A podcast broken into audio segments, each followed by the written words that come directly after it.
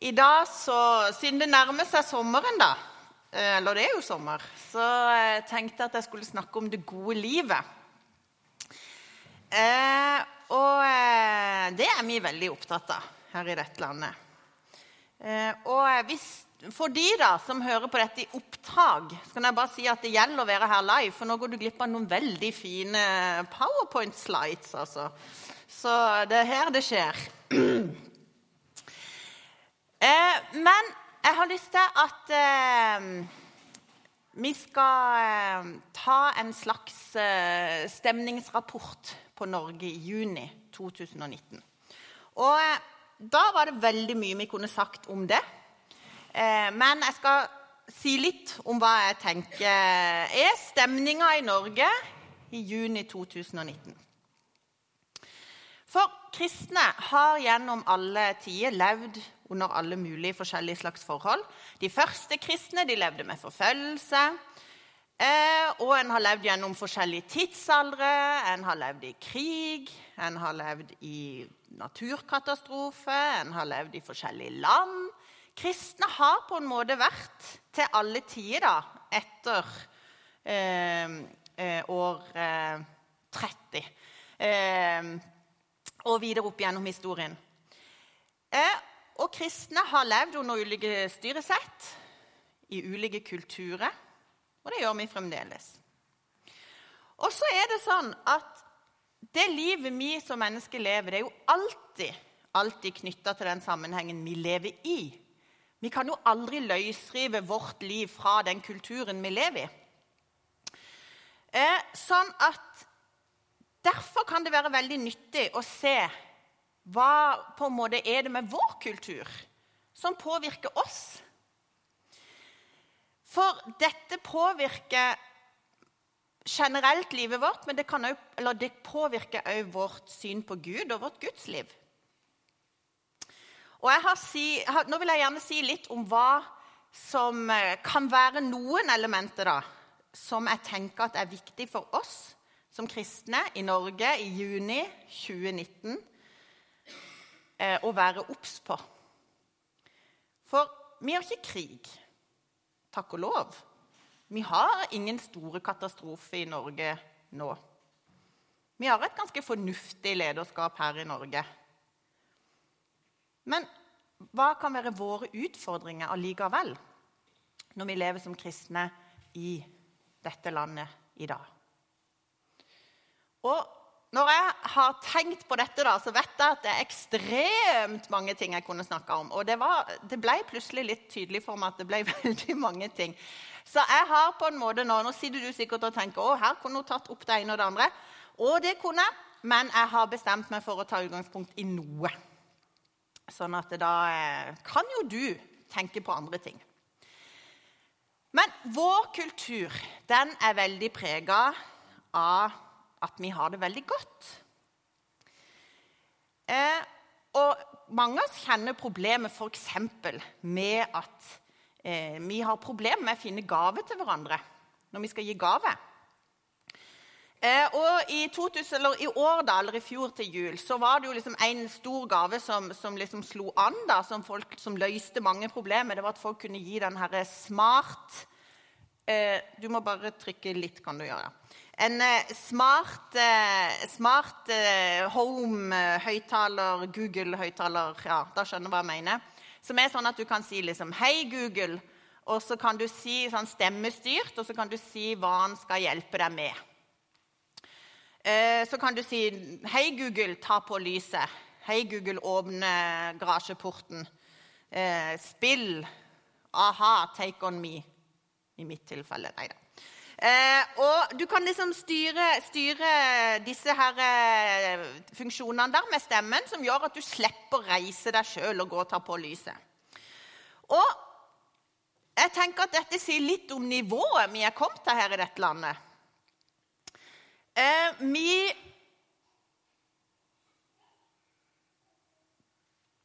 Du må ta bildet, det bildet. Ja. Eh, ta neste bilde. Beklager, her var det faktisk litt feil. Nei, tilbake igjen. Én. Der, der, ja. Veldig bra.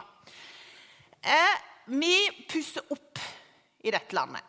for ekstremt mye penger. Eh, vi eh, spiser mat, eksotisk mat. Biff av Pampasen i Argentina. Eh, svinekjøtt, som er ja, Nå er det jo norsk svinekjøtt, men kanskje svinekjøtt fra Frankrike, der dyrene har spist eikenødder, som gjør at det blir veldig godt kjøtt. Eh, vi hamstrer sportsutstyr. Eh, og vi har roboter, som jeg sa. Og det begynner å bli ekstremt. Våre materielle behov er stort sett dekka og vel så det. Så nå er det jo sånn at eh, vi da, Jeg vet ikke, jeg har tenkt mye på det at når jeg gir gave til folk, så har jeg tenkt de har jo alle ting. Nå kan jeg begynne å gi dem opplevelse. ikke sant? Så det er jo en veldig fin ting, og det er jo veldig bra. Så da begynner det å eh, bli mye opplevelse. Eh, voldsomme, spektakulære opplevelser. Ta selfie uti på noen topper rundt forbi. Og dette eh, eksponerer vi da i sosiale medier.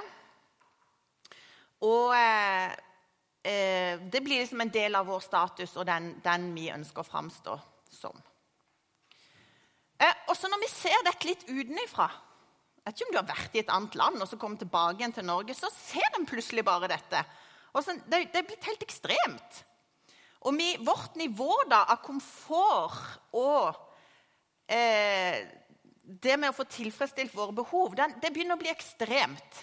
Eh, og jeg merker det sjøl. Jeg kan irritere meg hvis jeg kjører en bil som ikke har rattvarmer på vinteren. Og det, Da begynner det å bli litt vilt, ikke sant? for jeg ergrer meg over at å, det er så tungvint å kjøre uten rattvarmer. Eh, og eh, eh, Dette er med på å prege oss. Og jeg tenker at vi lever i et samfunn som nå har kommet til et punkt hvor vi lever i hedonisme. Hedonisme, det eh, er en tanke om at nytelse er det øverste gode, gode. Og nytelse er en betingelse for lykke og følelsen av det gode liv. Og I Norge så er vi som kultur generelt, der er primære behov og sekundære behov. Jeg vet ikke om dere ser for dere Maslows behovspyramide. Eh, vi er, liksom, vi er, nå oppe på et nivå der vi svaier i ei flaggstang langt oppå toppen der, vil jeg påstå. For det at vi har, eh, har dekka alt, og vi prøver å stadig eh, bli mer tilfredsstilt. Og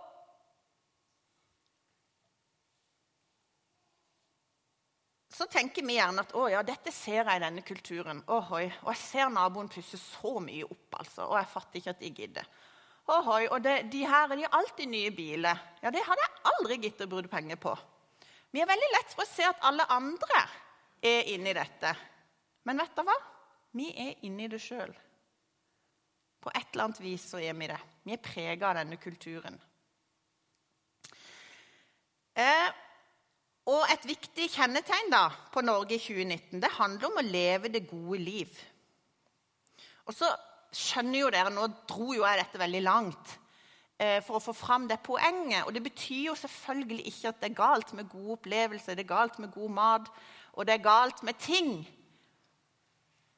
Og vi er takknemlige for det landet vi lever i. Men det er allikevel et veldig veldig farlig fokus i det.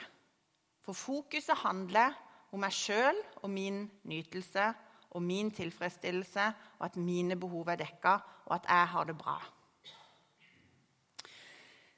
Og det er jo et veldig krevende samfunn å leve i. For kravet til å leve et godt liv de blir ekstremt høye. Og en kan føle at hvis en ikke har alle disse tingene, så lever en ikke et liv som er godt nok. Og det fører faktisk til um, en følelse av utenforskap hvis en ikke er en del av alt dette. Ensomhet, høye krav, stress. Og det kan oppleves som at det er vanskelig å bli fornøyd. Det er alltid noen som har mer. Det er alltid noe som mangler. Det påvirker òg fokuset på, eh, eh, på relasjonene vi lever. For når vi liksom er opptatt av vår nytelse, så eh, er det òg hvordan kan jeg få mest mulig ut av dette vennskapet? Hvordan, Dere har kanskje sett sånn overskrivet 'Slik vet du om parforholdet er bra for deg'. Og fokuset blir på oss sjøl og vår egen nytelse, vår egen vinning. Og relasjoner som eh, ikke gir meg noe de kan jeg kaste vekk. Eh, jeg tror dette er noe som preger samfunnet vi lever i. Eh, og jeg tror det påvirker oss. Og jeg tror vi må rett og slett bare erkjenne at dette påvirker oss. Eh, og jeg tror vi som kristne må være ekstra årvåkne. For dette kan òg overføres til menigheten. Hva kan menigheten gi meg? Hva kan jeg få ut av lovsangen? Hvorfor er ikke bønnemøtene i den stilen som jeg liker? Og så blir vi på en måte konsumenter her òg. Så blir vi bruk og kast. Så er fokuset på våre behov. Fokuset er på hva vi sjøl kan få ut av dette. Og vår kultur er ekstremt individualistisk. Vi kan klare oss sjøl i dette samfunnet. Eh, sånn er velferdsstaten vår bygd opp, og det er bra. Men vi er på en måte ikke helt avhengig av de rundt oss for å klare oss. Sånn basically, da. Eh, og sammenlignet med andre kulturer så er vi en veldig individualistisk kultur. Eh, og det kan òg få konsekvenser inn i hvordan vi ser på menigheten, da. Vi dropper inn litt her og der. Vi tar med oss de talene som vi liker, de møtene som passer oss og vår stil. Og så ser vi kanskje ikke at vi sjøl og menigheten lider under de valgene. For menigheten mangler et familiemedlem når ikke du er her eller er her. Og menigheten mangler et lem på legemet. Og vi mangler en familie å stå sammen med. Og det er veldig, veldig alvorlig.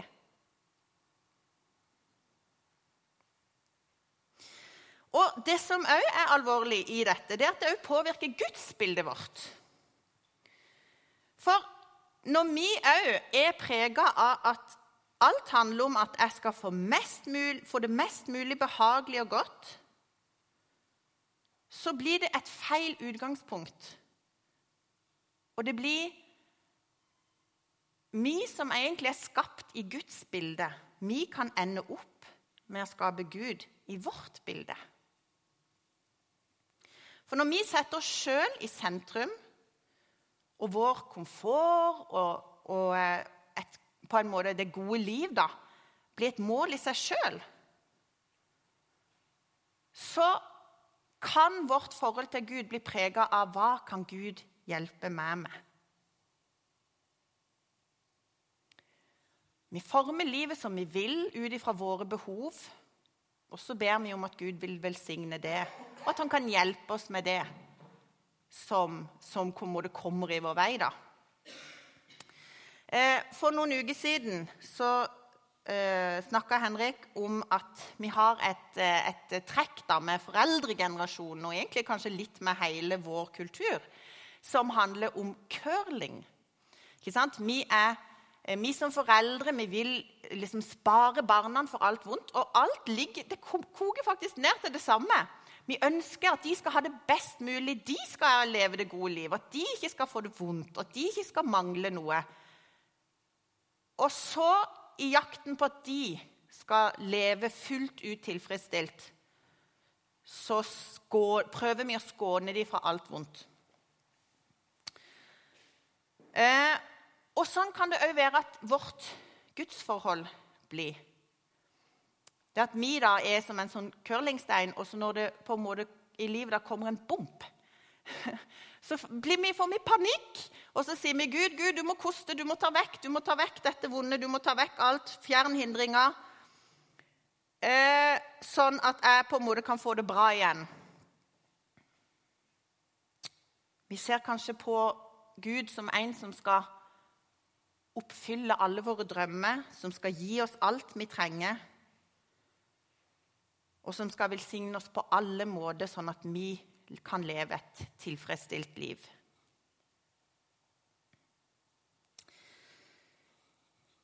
Eh, I apostlenes gjerninger så står det om eh, disiplene. De møtte en, en trollmann, rett og slett. Eh, og jeg har liksom tenkt at Han heter Simon. Og jeg tenkte at ja, Han var sikkert en sånn weird freak, liksom. Men han var faktisk en veldig anerkjent og innflytelsesrik, og han var en profesjonell mirakelmann som levde da samtidig med disiplene. Han hadde veldig mange tilhengere. Simon, trollmann Simon. Og så I Apostelens gjerninger 8 så kan vi se at han kommer til tro. Han tar imot evangeliet, og han blir døpt. Det virker som han egentlig forstår evangeliet. Og så kommer eh, Peter ned der, og så, så, ber de, og så kommer Den hellige ånd. Eh, og det, de ser eh, kraft, Den hellige ånds kraft og tegn. Og så ser han dette, og så er det akkurat som han øyner en forretningsidé. da, altså hans, hans, tankegang er der fremdeles. Og han sier, 'Gi meg òg denne kraften, så alle jeg legger hendene på, kan få Den hellige ånd.'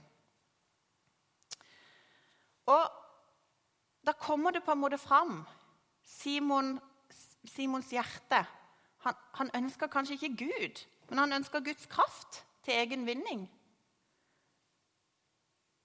Han hadde kanskje ikke sett eh, og, og, liksom fått gått inn i kjærligheten til Gud, men han elska det Gud kunne gjøre for ham. Han ønska Guds kraft, så han kunne få anerkjennelse og, og bli stor i andres øyne. Så er det lett å tenke at ja, det handler i hvert fall ikke om mitt liv. Men kan vi kjenne et element av gjenkjennelse? Kan vi på en måte ha et syn på Gud hvor alt er knytta til alt vi vil at han skal gjøre, at han skal fikse? Han skal liksom være vår redningsplanke. Og jeg vet at nå er jeg har, altså. Så må dere henge med, for nå kommer det snart noe litt bedre etter hvert her. Men, eh, men, jeg tror vi har godt av det. Vi har godt av det. For det at, eh, for det at eh, Ja, vi ser det ikke alltid i våre egne liv. Men når vi lever i dette hedonistiske samfunnet, da, når vi lever i dette samfunnet hvor, hvor mye da handler om, om oss sjøl, om vår egen lykke, om vår, e, vårt eget velbehag, så så, så, bli, så, setter vi oss i en feil posisjon. Det er et feil utgangspunkt. Og Det vi, vil aldri gi oss tilfredsstillelse, for det vil alltid være noe du mangler. ikke sant? Du vil aldri få levd et, et godt, perfekt liv. For det eneste rette stedet for et menneske, det er at vi ikke er i sentrum. Gud er universets sentrum. Og det eneste rette sted for et menneske, det er å være i beundring til Gud. Og Gud elsker at vi kommer til Han med alle ting. Og Han har sagt at vi kan øse ut vårt hjerte fra Han. Vi kan komme til Han med alle ting. Men det er viktig òg at vi søker Gud for den han er. Han fortjener alltid vår lovsang og vår beundring og vår takknemlighet. Gjennom hele Bibelen så kan vi se hvordan Gud er den evige. Han er den som er. Han er den som er overalt. Han er den som ingen kan beskrive. Han er opphavet til alt. Han, eh, mennesket kan aldri fatte eller forstå Gud. Og han er opphøyd overalt. Mennesket er ikke universets sentrum, men Gud er universets sentrum. Eh, salmedikteren Petter Dass han skrev Gud er Gud om alle land lå øde. Gud er Gud om alle mann var døde. Alt er gitt oss av Gud. Alt har sitt opphav i Han. Lufta som du og jeg puster, det er fra Han. Hjertet vårt det slår som en gave fra Han. Skaperverket priser Gud. Han er alltid verd vår beundring. Men veldig ofte så lever vi som om alt og hele universet snurrer rundt oss. Og vi setter oss sjøl høyest. Vi blir de viktigste, de klokeste og de som vet best. Og så kan det der og da virke veldig bra, men så er det egentlig ikke befriende i det hele tatt. Nå skal vi komme til det. Og Vi skal se kort på Moses. For Moses han fikk et kall til å lede israelsfolket ut av Egypt. Og Egypt var et mektig rike. Det var et eh, stort, Israelsfolket var et stort folk. Eh, og denne oppgaven var ganske gigantisk.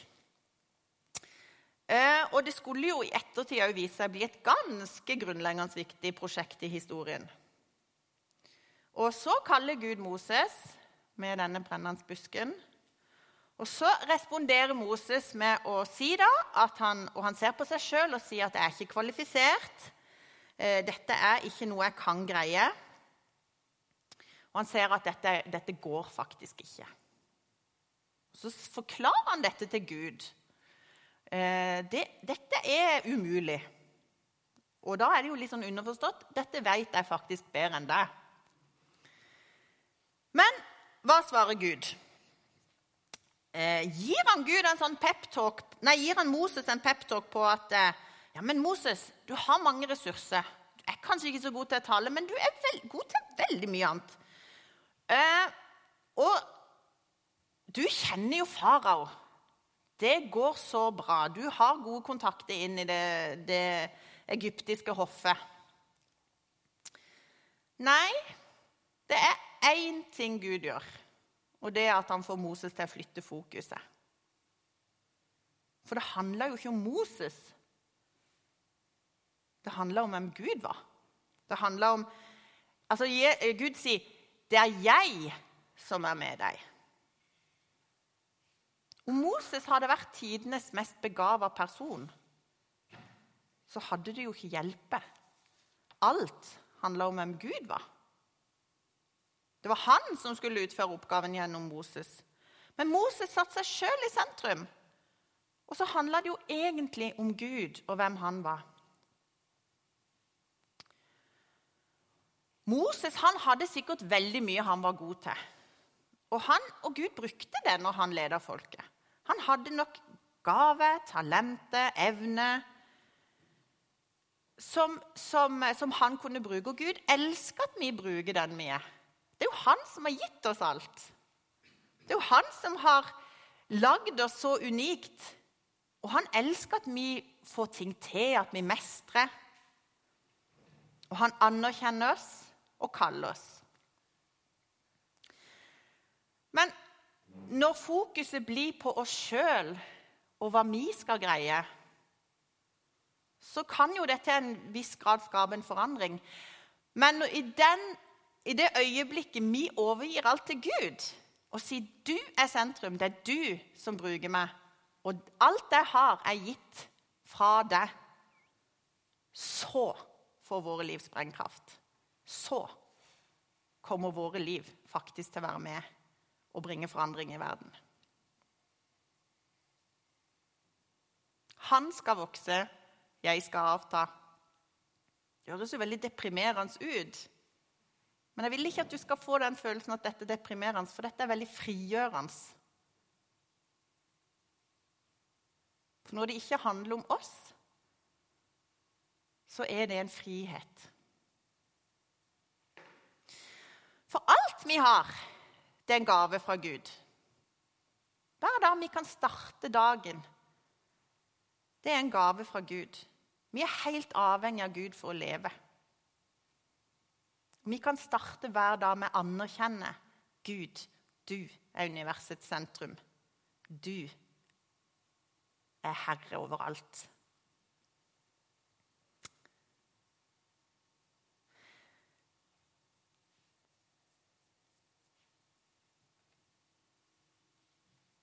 I vår kultur så søker vi i veldig mange ting for å finne det gode livet.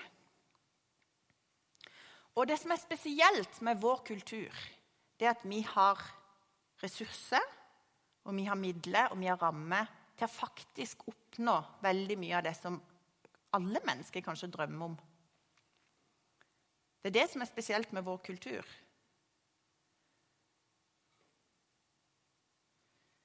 Men hvis vi søker det gode livet i alt dette, i ting, i opplevelse, i selvrealisering Så er det ikke noe galt i seg sjøl med de tingene, men hvis det er det som vi har som mål, så blir vi aldri fornøyde.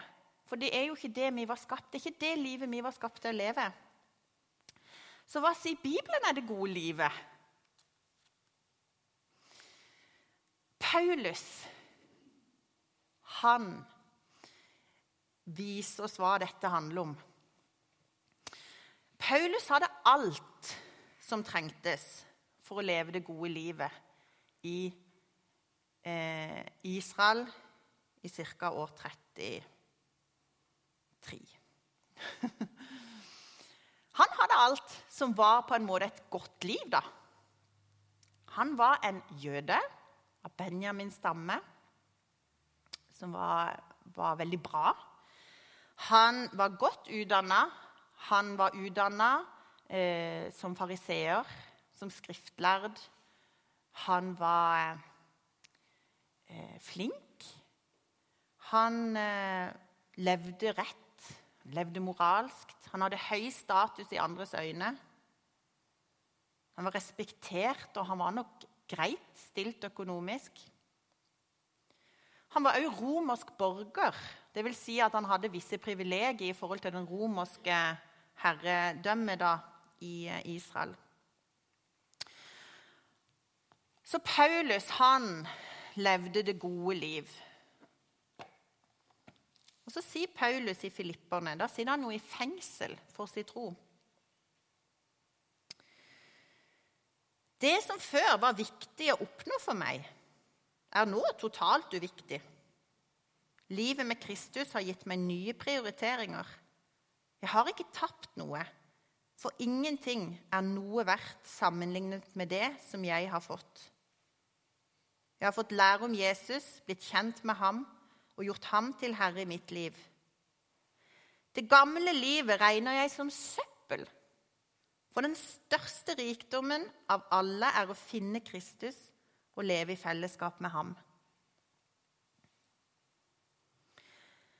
Og For Paulus så blir på en måte dette med livet med og uten Jesus veldig dramatisk. da. Eh, for, for, han kunne ha levd komfortabelt, vært anerkjent, respektert. Men han regner det for ingenting i forholdet til det å ha Jesus som herre og tjene han. Og han velger livet som Gud har kalt han til. Og han velger da et liv med hard fysisk forfølgelse, tortur og fengsel. Han blir hånt, han mister jo sitt gode navn og rykte. Han lever fra hånd til munn. Det kan vi lese om i brevene. Han tar småjobber, og han får gave av menighetene. Han er stadig på lange og farlige reiser. Og han opplever òg at kristne søsken står imot han, faller fra, svikter han. Og på en måte kan dette virke litt fjernt for oss, da. Men samtidig så er det et element som vi kan ta med oss. Og det handler litt om hva som er fokuset for oss. Eh, hva er det som er viktig for oss? Paulus setter det å leve sammen med Jesus, det å leve i etterfølgelse av Jesus, det å gi livet sitt til han, det å være villig til å ofre noe for han, det sier han Det andre er ingenting verd. Det er som søppel sammenligna med det livet jeg har nå. Det er ganske sterke ord. Og så kjenner jeg blir så utfordra for det at i hvilken grad er vi villige til å gi opp vårt eget? Og det som, blitt, det som ble veldig sånn stort for meg nå, da, det er jo det at jeg ser så mye rundt meg at folk er villige til det. Det er så spennende. Og i denne menigheten er det altså så mye oppmuntrende. Um, neste uke så skal vi ha en uh, leir. da. Så kommer det jo altså disse fra Litauen. Uh, og Beate Gedeminas de uh, har jo hatt et engasjement i forhold til Litauen i mange år. og de har tatt mange trosteg i dette. Det har ikke bare vært lett. De har ofra ganske mye. Men det å se den den velsignelsen det kommer ut av det. Se den gleden de har i det. Tenk på familien Svindland. De, de bor jo på Skjernøya da, i et fantastisk ferieparadis. De kunne hatt det veldig greit der hele sommeren. Så velger de å reise til Albania, et av, Europas fattigste land. Og være der og tjene andre. Og Det er jo på en måte litt sånn store ting, kanskje. Men vi har jo mange her i menigheten som tar valg som de kjenner Gud kaller de til. Og så er det kanskje et offer i det, men så vet en bare det at det, det er ingenting annet jeg vil enn å være der som Jesus kaller meg.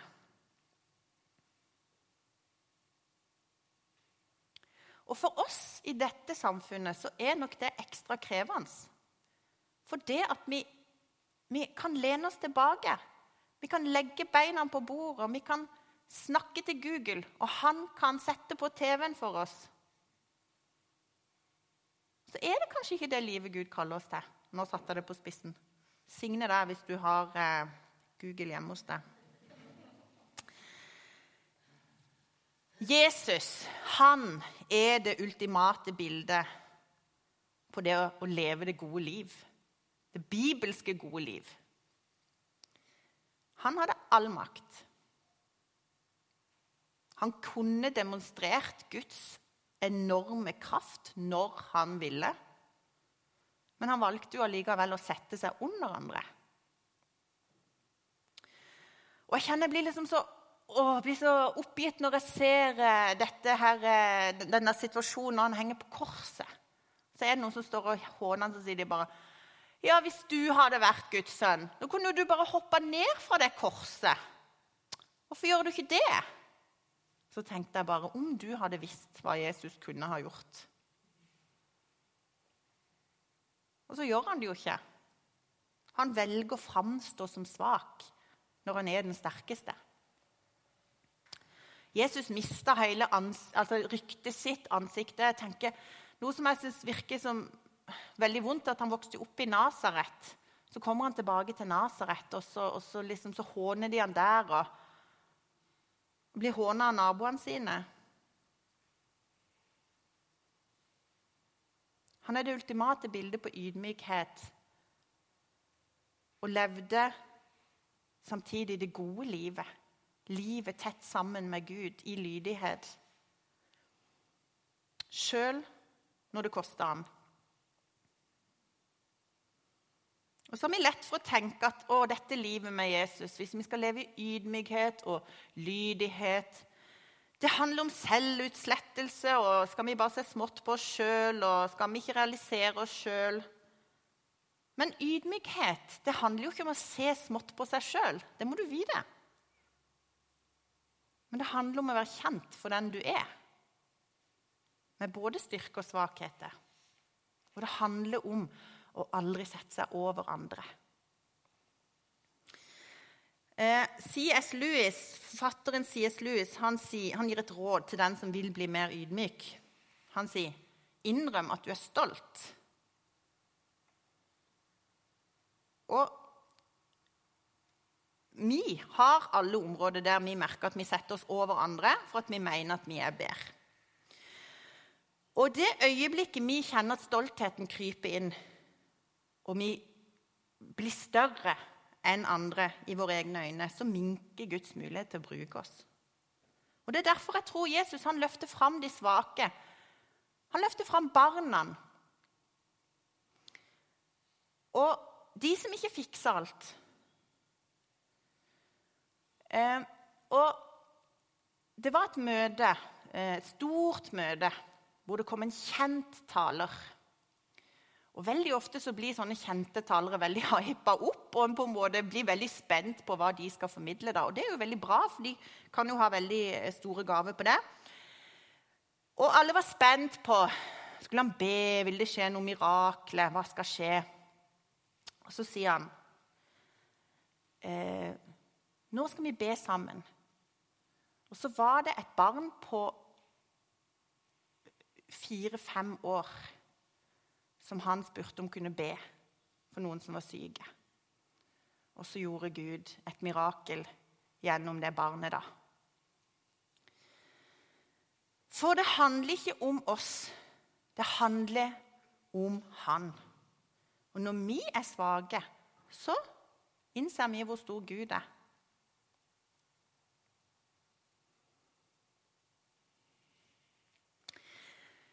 Eh, for veldig mange år siden så var jeg på en gudstjeneste. Og Der var det et sånt konsept med at alle skulle liksom komme fram, og så skulle vi liksom få et sånt kors i panna som var skrevet i aske. Eh, og Så gikk jeg jo fram der så tenkte jeg, å, nå blir det sikkert noe skikkelig oppmuntrende ord med at eh, du er verdifull, eller ja, stå på, liksom. Eh, og så kom jeg fram, og, og så det han, eh, han sa da, han her presten, han sa Menneske, husk at du er støv. Og jeg kjente at jeg nesten ble på lotten, for jeg kjente at det, det ble jo veldig deprimerende. Altså I alle dager her hadde jeg forventa at eh, Nei, menneske, husk at du er støv. Eh, men du og da Så deilig det er å være et støvkorn. Det tenker jeg faktisk på en del ganger, for det er veldig befriende å være et støvkorn. For støvkorn, ja ja, de er små, ikke sant? Og, og noe eh, kjoss som eh, Strømberg-familien kjenner veldig godt til. Men det har altså en umålelig verdi, det støvkornet. Eh, og det blir jo da sånn bilde ikke sant, på Gud og oss. Veldig viktig støvkorn, veldig stor verdi. Men samtidig så er vi altså støv, folkens. Og du må ikke bli deprimert. Du må bli glad. For det er så befriende. Og Noen ganger når jeg, jeg, går litt på trynet og ikke gjør ting så bra, så tenker jeg ja, ja, hva mer kan du forvente av et støvkorn? Og så tenker jeg at ja, ja Ikke så nøye. Men det som er altså fantastisk, for en dag nå så lå jeg i senga, og så lå jeg og så på støvet på vårt soverom, altså. Veldig bra. Og så kom det inn, og dette skjedde altså just, så kom det inn sol. Og vet du hva jeg så? Når sola skinte på de støvkornene, så funkla de som diamanter. Det er helt sant. Det var som diamantstøv. Og det er jo vår visjon, folkens. Støv med umålelig verdi. Gud som skinner på oss. Det skaper mirakler, folk.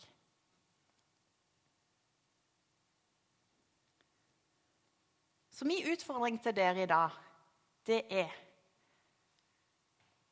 Hver dag Det er utfordring til meg sjøl òg, da.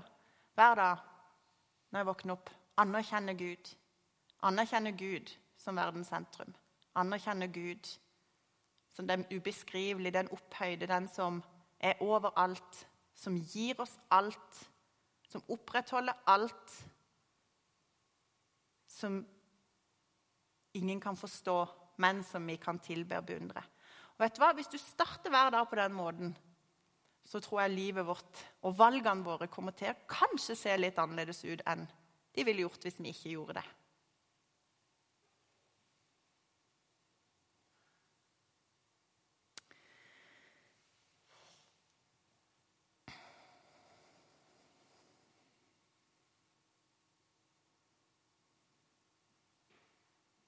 Herre, vi anerkjenner deg for at du er vårt alt.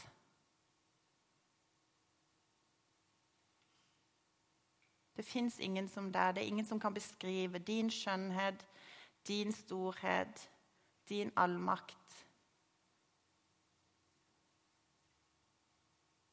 Men vi kan bare vende våre hjerter igjen, Herre. og Vi kan si at du er sentrum for alt. Du er den som fortjener all vår tilbedelse, all vår beundring, Herre.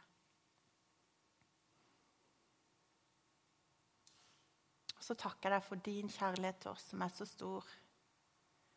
Du elsker oss, Herre. Du elsker dine barn. Du elsker at vi utfolder oss og lever som de du har skapt oss til å være. Og Jeg ber om at du gir oss mot, Herre, til å leve hver dag i det som du har for oss. I lydighet, Herre, og i ydmykhet.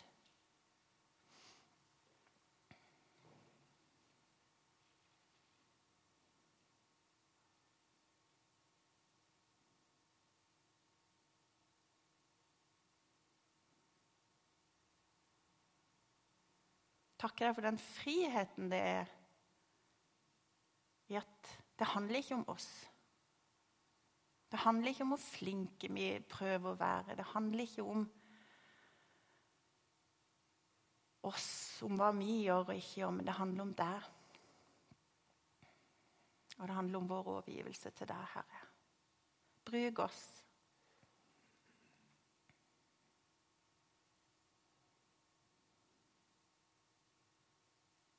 ber om at vi skal få være en menighet som, som er djerve og som er modige, Herre. Som tør når du kaller. Som går når du ber oss.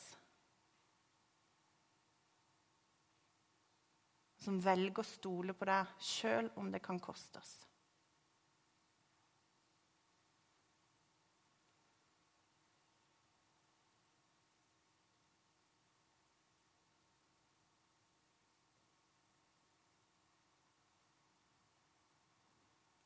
Amen.